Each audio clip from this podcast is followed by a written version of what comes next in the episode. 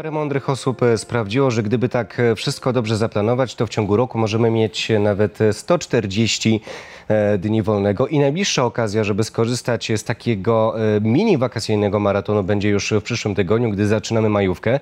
Pracownicy się cieszą, pracodawcy no, to jest troszkę bardziej skomplikowane. Pewien znany pracodawca, przedsiębiorca chiński e, i twórca holdingu Alibaba Jack Ma twierdzi, że lepiej nie opuszczać w ogóle pracy, najlepiej przebywać w niej od 9 rano do 9 wieczorem i tak przez 6 dni w tygodniu. I tu pojawia się e, zasadnicze pytanie, jak żyć w takim razie, drogi pracodawco? Czy pracować e, do utraty tchu, czy może jednak szukać mm, jakiejś równowagi pomiędzy czasem w pracy, a czasem poza nią? Od tego tematu zaczynamy program Biznes Mówi. Witam serdecznie, a moim gościem jest e, Greg Albrecht, przedsiębiorca, doradca, partner m.in. funduszu Data Ventures, ale przede wszystkim skupiony na swojej własnej działalności, czyli Albrecht Partners. Witamy. Dzień dobry, witam. E, To chciałbym e, zacząć może właśnie od wspomnianego Jacka Ma. Ym, Czy ty podpisałbyś się pod tą tezą, żeby pracować po 12 godzin dziennie? Uważam, że, e, że to zależy mocno od tego, po pierwsze, jaki mamy cel e, w swojej karierze. To znaczy, czy chcemy być w górnym jednym procencie pracowników i osiągnąć e, najwięcej. Wtedy prawdopodobnie trzeba pracować dużo. Czyli kto tyle pracuje? Są to menadżerowie, czy są to osoby niższego szczebla? Jak to wygląda? Kto jest w tym 1%? Myślę, że w tym jednym procencie są te osoby, które naprawdę chcą osiągać ponadprzeciętne rezultaty w pracy. Tak uważam. To znaczy, z doświadczenia z osobami, które osiągnęły bardzo dużo, rzeczywiście są to osoby, które statystycznie bardzo dużo pracują, szczególnie w pierwszym okresie swojej kariery. Jak rozumiem, y, w ramach swojej działalności spotykasz się z różnymi osobami, z różnymi klientami, którym doradzasz między innymi w zakresie biznesu. Ciekaw jestem, jak wielu z nich przyznaje się do tego, że faktycznie spędza tyle czasu w pracy. No, bardzo wielu. Powiedziałbym, że jeżeli zapytasz e, przedsiębiorców, co jest ich głównym wyzwaniem, a zadałem takie pytanie subskrybentom mojego newslettera, których mam ponad 8 tysięcy, to numer jeden problem, który mają, to brak czasu na zastanowienie się nad własnym biznesem. To oznacza, że często pracują po kilkanaście godzin dziennie. A czy to nie jest też trochę tak, że ta granica pomiędzy czasem spędzanym w pracy, a czasem poza nią e, jakoś się zaciera? Bo mm, swego czasu spotkałem się z pewną opinią e, człowieka, który prowadzi firmę rekrutacyjną i powiedział mi wprost, że dzisiaj e, ta najbardziej twórcza praca, czy też przynosząca najbardziej twórcze efekty, nie pojawia się w momencie, gdy przychodzimy o 9 i wychodzimy o 17, tylko na przykład podczas nieformalnych spotkań, e, podczas e, powiedzmy sytuacji na siłowni, uprawiania sportu. Czyli na przykład e, pracuję 9-17, ale takie super pomysły przychodzą mi na przykład dopiero po 21. E, No jest to na pewno możliwe, dlatego że zupełnie inaczej działa mózg, kiedy ma konkretne zadania do odhaczenia i powiedzmy nie wymaga to specjalnie tworzenia nowych rozwiązań, a zupełnie inaczej, kiedy mamy coś nowego wytworzyć i tak jak tu Archimedes prawo ciążenia odkrył siedząc w wannie, to i my pod prysznicem czasem mamy te najlepsze pomysły. Czyli jeżeli pracujemy kreatywnie, no to tutaj narzucanie sobie jakiejś ogromnej liczby godzin, a szczególnie praca na deadline'ach nie służy jakości tych pomysłów. Natomiast e, jeżeli chcemy e, być efektywni i, i dużo osiągnąć, no to szczególnie w pierwszym okresie kariery, jak wspomniałem, musimy pracować dużo, żeby jak najszybciej, jak najwięcej się nauczyć. Czyli Jack ma w takim razie to, co mówi, nie jest takie, takie złe do końca.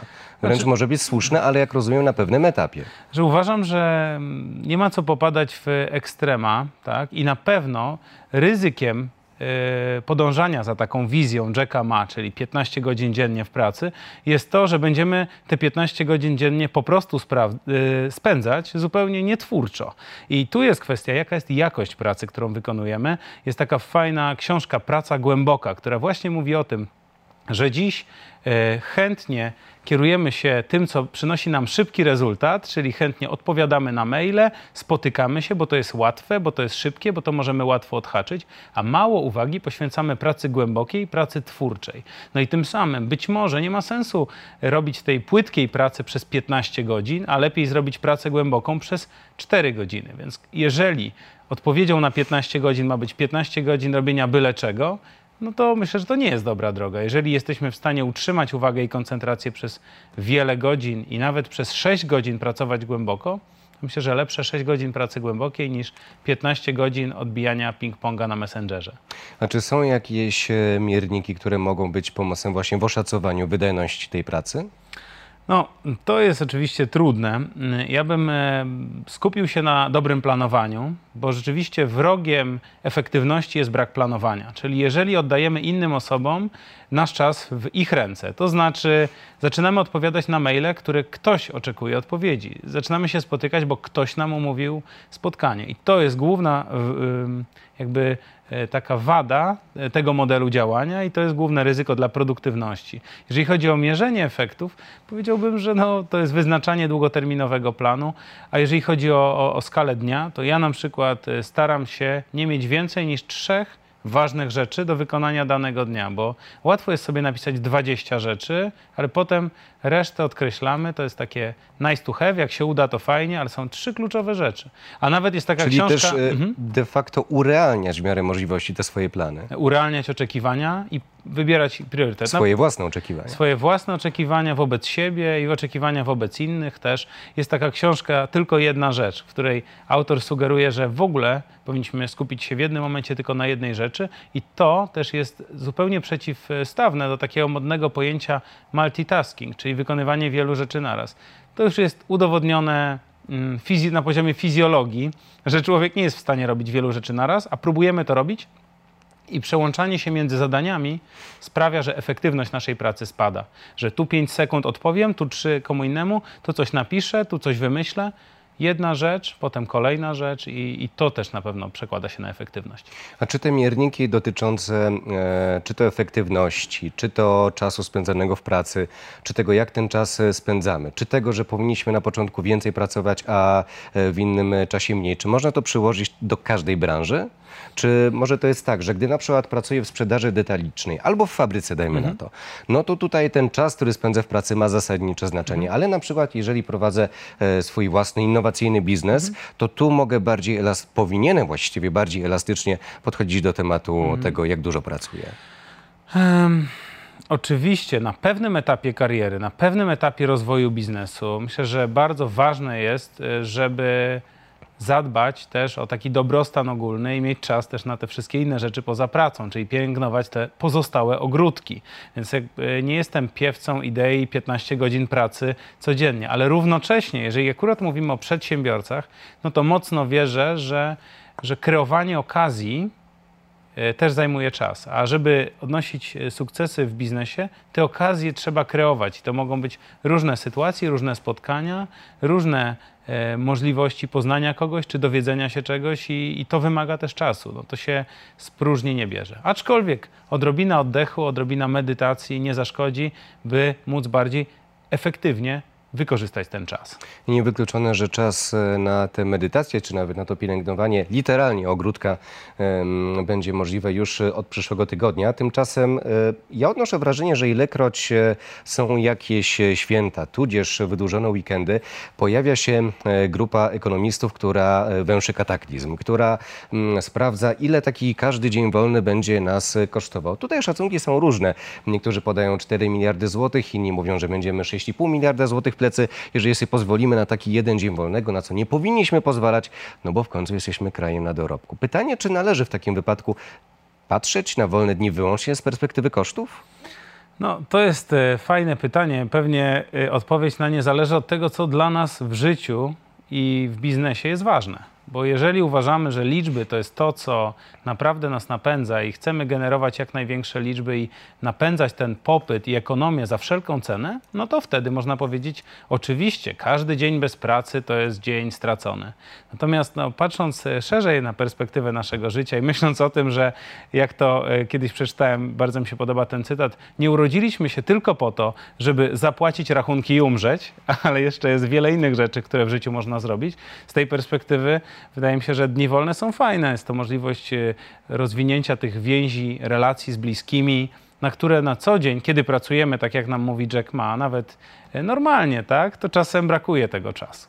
A czy to też nie jest trochę tak, że mm, model gospodarczy, w którym funkcjonujemy, pozwala nam na to, e, wręcz zachęca do tego, żebyśmy bardziej elastycznie podchodzili do swojego czasu, mhm. bo mm, okej, okay, rozumiem, że w sytuacji, gdyby nasza gospodarka miała dalej konkurować kosztami pracy, no to e, dni wolne, rozumiem, tutaj będą swego rodzaju katastrofą. Tymczasem mm, są pewne badania, które potwierdzają to, że Polska staje się coraz bardziej e, innowacyjnym krajem. Co prawda te nakłady e, na, na badanie i rozwój są wciąż niskie, na przykład w porównaniu do tego, ile inwestują Niemcy, Wielka Brytania czy Stany Zjednoczone, ale czy też ta powolna, ale sukcesywna, konsekwentna zmiana tego modelu nie wymusza również tego, żeby właśnie bardziej elastycznie podchodzić na to, jak zarządzamy swoim czasem, czy będąc pracodawcą, czasem, prac, e, czasem pracownika. E, Jeżeli chodzi o pracodawców, no to widzę, że ten trend e, na uwalnianie coraz większej ilości czasu do własnego zagospodarowania przez pracowników jest i myślę, że on jest fajny, bo też przechodzimy z modelu przerysowując lekko, semifeudalnego do takiego raczej modelu otwartego, opartego na zaufaniu, na tym, że Semifeudalnego, czyli... Znaczy, śmieję się, że jest, chodzi o taki system feudalny, gdzie kogoś tylko rozliczamy z tej pracy, która jest wykonana, y, darzymy go niewielkim zaufaniem i uważamy, że jak będziemy kogoś kontrolować i wyciskać, to wtedy będzie to najlepszy efekt. Tak? Przechodzimy do zupełnego innego modelu, do modelu biznesu opartego na zaufaniu, na tym, że kreowanie wartości jest możliwe tylko wtedy, kiedy jest komfort, kiedy człowiek jest w swojej strefie flow i, i tym samym właśnie uważam, że, e, że to e, daje nam szansę na to, żeby, żeby też ludzie pracowali w sposób bardziej elastyczny. I, I odwołując się właśnie do tego wątku, jak powinniśmy pracować i czy zmienia się sytuacja naszej gospodarki, no ja wierzę, że, że możliwość pracowania mniej jest pewnym luksusem, na, którą, na który społeczeństwo e, pracuje. Czyli był jakiś okres w historii naszego kraju, gdzie musieliśmy bardzo dużo nadgonić i po prostu nie było wyjścia, trzeba było generować dużo więcej, ale teraz być może wchodzimy na ten etap, że możemy stawać się powoli bardziej innowacyjną gospodarką, aczkolwiek niestety indeksy wskazują, że jeszcze dość słabo u nas z tym, na tle wielu e, krajów e, otaczających i powoli możemy zacząć kreować te wartości inaczej.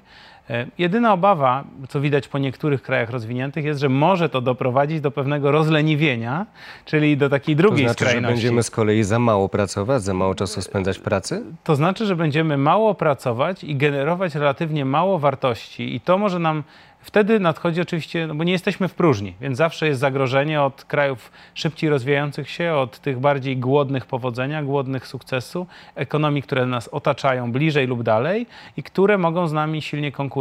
I, i, i to jest to. Tak? Czyli jakby Ale myślisz, że coś takiego realnie nam zagraża, bo mm, wszelkie statystyki pokazują, że no, my Polacy jesteśmy takimi europejskimi pracusiami. Średnio e, spędzamy w ciągu roku o 300 godzin więcej mm, w robocie niż na przykład Brytyjczycy czy Niemcy, przy czym jednocześnie em, Reprezentanci owych krajów mają z kolei po 8-10 tygodni e, wolnego więcej niż e, my. Więc jakoś ciężko mi sobie wyobrazić, żeby nagle mm, Polacy tak sobie pofolgowali i stwierdzili, a nie pracujemy od teraz. Nie, myślę, że nagle to na pewno się nie wydarzy. Ja tylko mm, sygnalizuję pewną możliwość, która może mieć miejsce w długim terminie, ale jeżeli dziś miałbym spojrzeć na większość e, przedsiębiorców czy, czy osoby z zarządów, z którymi pracuję, to powiedziałbym raczej pracuj mniej, pracuj mądrzej, a nie pracuj więcej, jeżeli miałbym to tak spuentować. Y, Większość osób wydaje mi się, że raczej pracuje za dużo, niezbyt efektywnie i stawia sobie zbyt y, wygórowane cele i przez to niestety doprowadza to czasem do wypalenia. To już e, powoli uciekając od wątku e, związanego z pracą, to jaka jest optymalna ilość czasu, jaką należałoby w ciągu dnia spędzać w pracy, twoim zdaniem? No, myślę, że nie da się na to pytanie odpowiedzieć, bo to tak zależy od typu pracy, którą się wykonuje, że każda odpowiedź byłaby uogólnieniem, które stanowiłoby nieprawdę. Powiedziałbym, że ja pewnie pracuję około 10 godzin dziennie. No dobrze, Greg Albrecht, jak już wiemy, pracuje 10 godzin e, dziennie.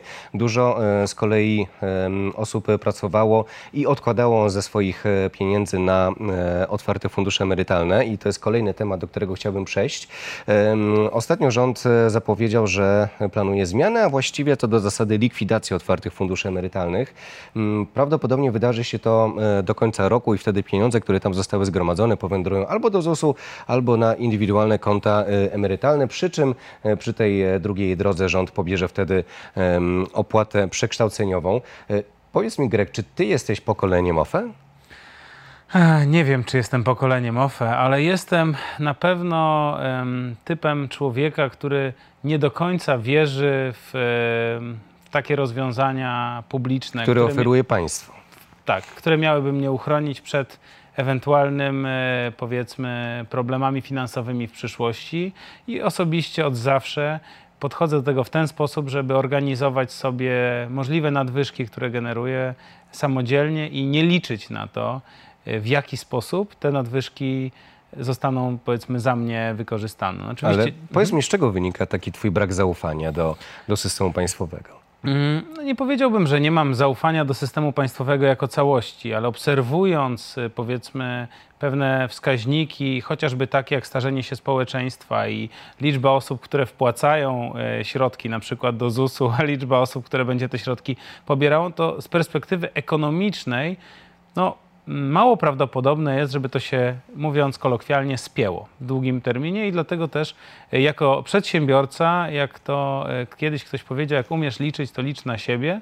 W związku z tym e, ja też staram się pracować w ten sposób, aby móc kreować wartość, która będzie procentowała w długim terminie i tym samym nie musieć czekać na to, co zostanie mi przydzielone z jakichś środków zewnętrznych. To powiedz mi, jakie e, interpretujesz e, właśnie zapowiadane zmiany wokół OFE. Jaki to jest może sygnał dla 20-30-latków, e, osób, które zaczynają swoją karierę, które prędzej czy później będą musiały zacząć myśleć o, e, o swojej przyszłości, mhm. o swojej emeryturze? No, ja uważam, że warto o swojej emeryturze myśleć od pierwszego dnia, a mówię to nauczone doświadczeniem. Pierwszego dnia czego? Pierwszego dnia pracy. Dobrze powiedziane. E, ja o tym na przykład nie myślałem przez jakiś moment jakoś i, i, i, i nie myślałem o tym w taki prosty sposób. To znaczy, nie inwestowałem środków od początku. Myślę, że gdybym dzisiaj zaczynał tak jak zaczynałem, jak miałem 19 lat, to bym pewnie też i więcej środków inwestował, e, tak mówię, finansowo i odkładał. Natomiast e, to, co dla mnie się sprawdziło i widzę, że się sprawdza dzisiaj, szczególnie w świecie zmieniających się e, zasad działania, szybkości internetu, zmieniającego się świata, to jest inwestowanie w kompetencje i inwestowanie w relacje.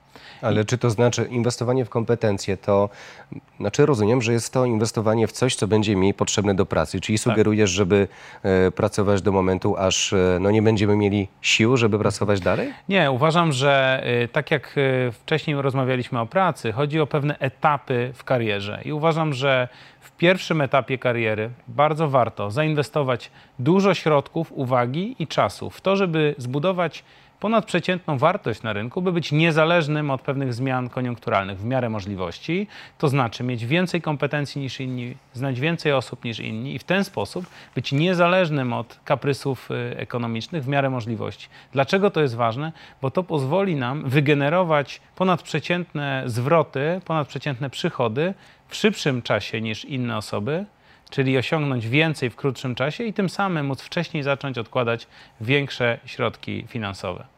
Bo też e, rząd przy okazji, dalej będę drążył temat e, reformy OFE. Ja mam takie poczucie, że rząd jako pewnego rodzaju alternatywę proponuje nam pracownicze plany kapitałowe. Co myślisz o tym projekcie? Trudno mi jest y, powiedzieć, y, na ile to będzie efektywne. Z tego, co się orientuję, na przykład w Stanach taki, y, takie, taki model funkcjonuje. I wydaje się, że się sprawdza. Również w Wielkiej Brytanii, Nowej Zelandii, bo też trzeba przyznać, że polski rząd w dużej mierze inspirował się tymi rozwiązaniami, mhm. które przed chwilą wymieniłem, aby ta składka pochodziła z różnych źródeł. Natomiast dalej wracam do tego, jeżeli OFE miały być takim właśnie zabezpieczeniem naszych godnych emerytur. E, mówi się, że PPK to z kolei będą nasze prywatne, własne pieniądze i mhm. nikt nam tego nie zakosi. No ale właśnie skąd pewność, czy się nie pojawi jakaś ustawa, która to wszystko zmieni? No na to nie umiem odpowiedzieć i, i tu muszę powiedzieć, że... E, mm, Ciężko mi jest się odnieść do kwestii takich stricte związanych z, z, przewidywaniem przyszłości, jeżeli chodzi o pewne aspekty polityczne, bo jest to rzeczywiście trudne do przewidzenia. Niemniej jednak, e, jakby jeżeli jest możliwość tego, żeby część swoich środków móc reinwestować i, i powiedzmy, żeby one były bardziej zarządzalne i bliżej powiązane z miejscem wykonywania przez nas pracy i powiedzmy powiązane z tym, co robimy, no to może to rozwiązanie będzie, będzie bezpieczne. Także no, fajnie by było, gdybyśmy mogli oczekiwać, że każde rozwiązanie, które, w które zainwestujemy pieniądze, będzie trwałe i będzie na zawsze, i oby tak było. E, Aczkolwiek zawsze jakby myślę też o tym, w jaki sposób jestem w stanie coś wygenerować, nad czym mam trochę większą kontrolę. E, Greg, zadam Ci ostatnie pytanie, bo e, jak sam wspomniałeś, ważne jest inwestowanie w, inwestowanie w relacje, inwestowanie we własne kompetencje, co zbiorczo moglibyśmy nazwać po prostu przedsiębiorczością.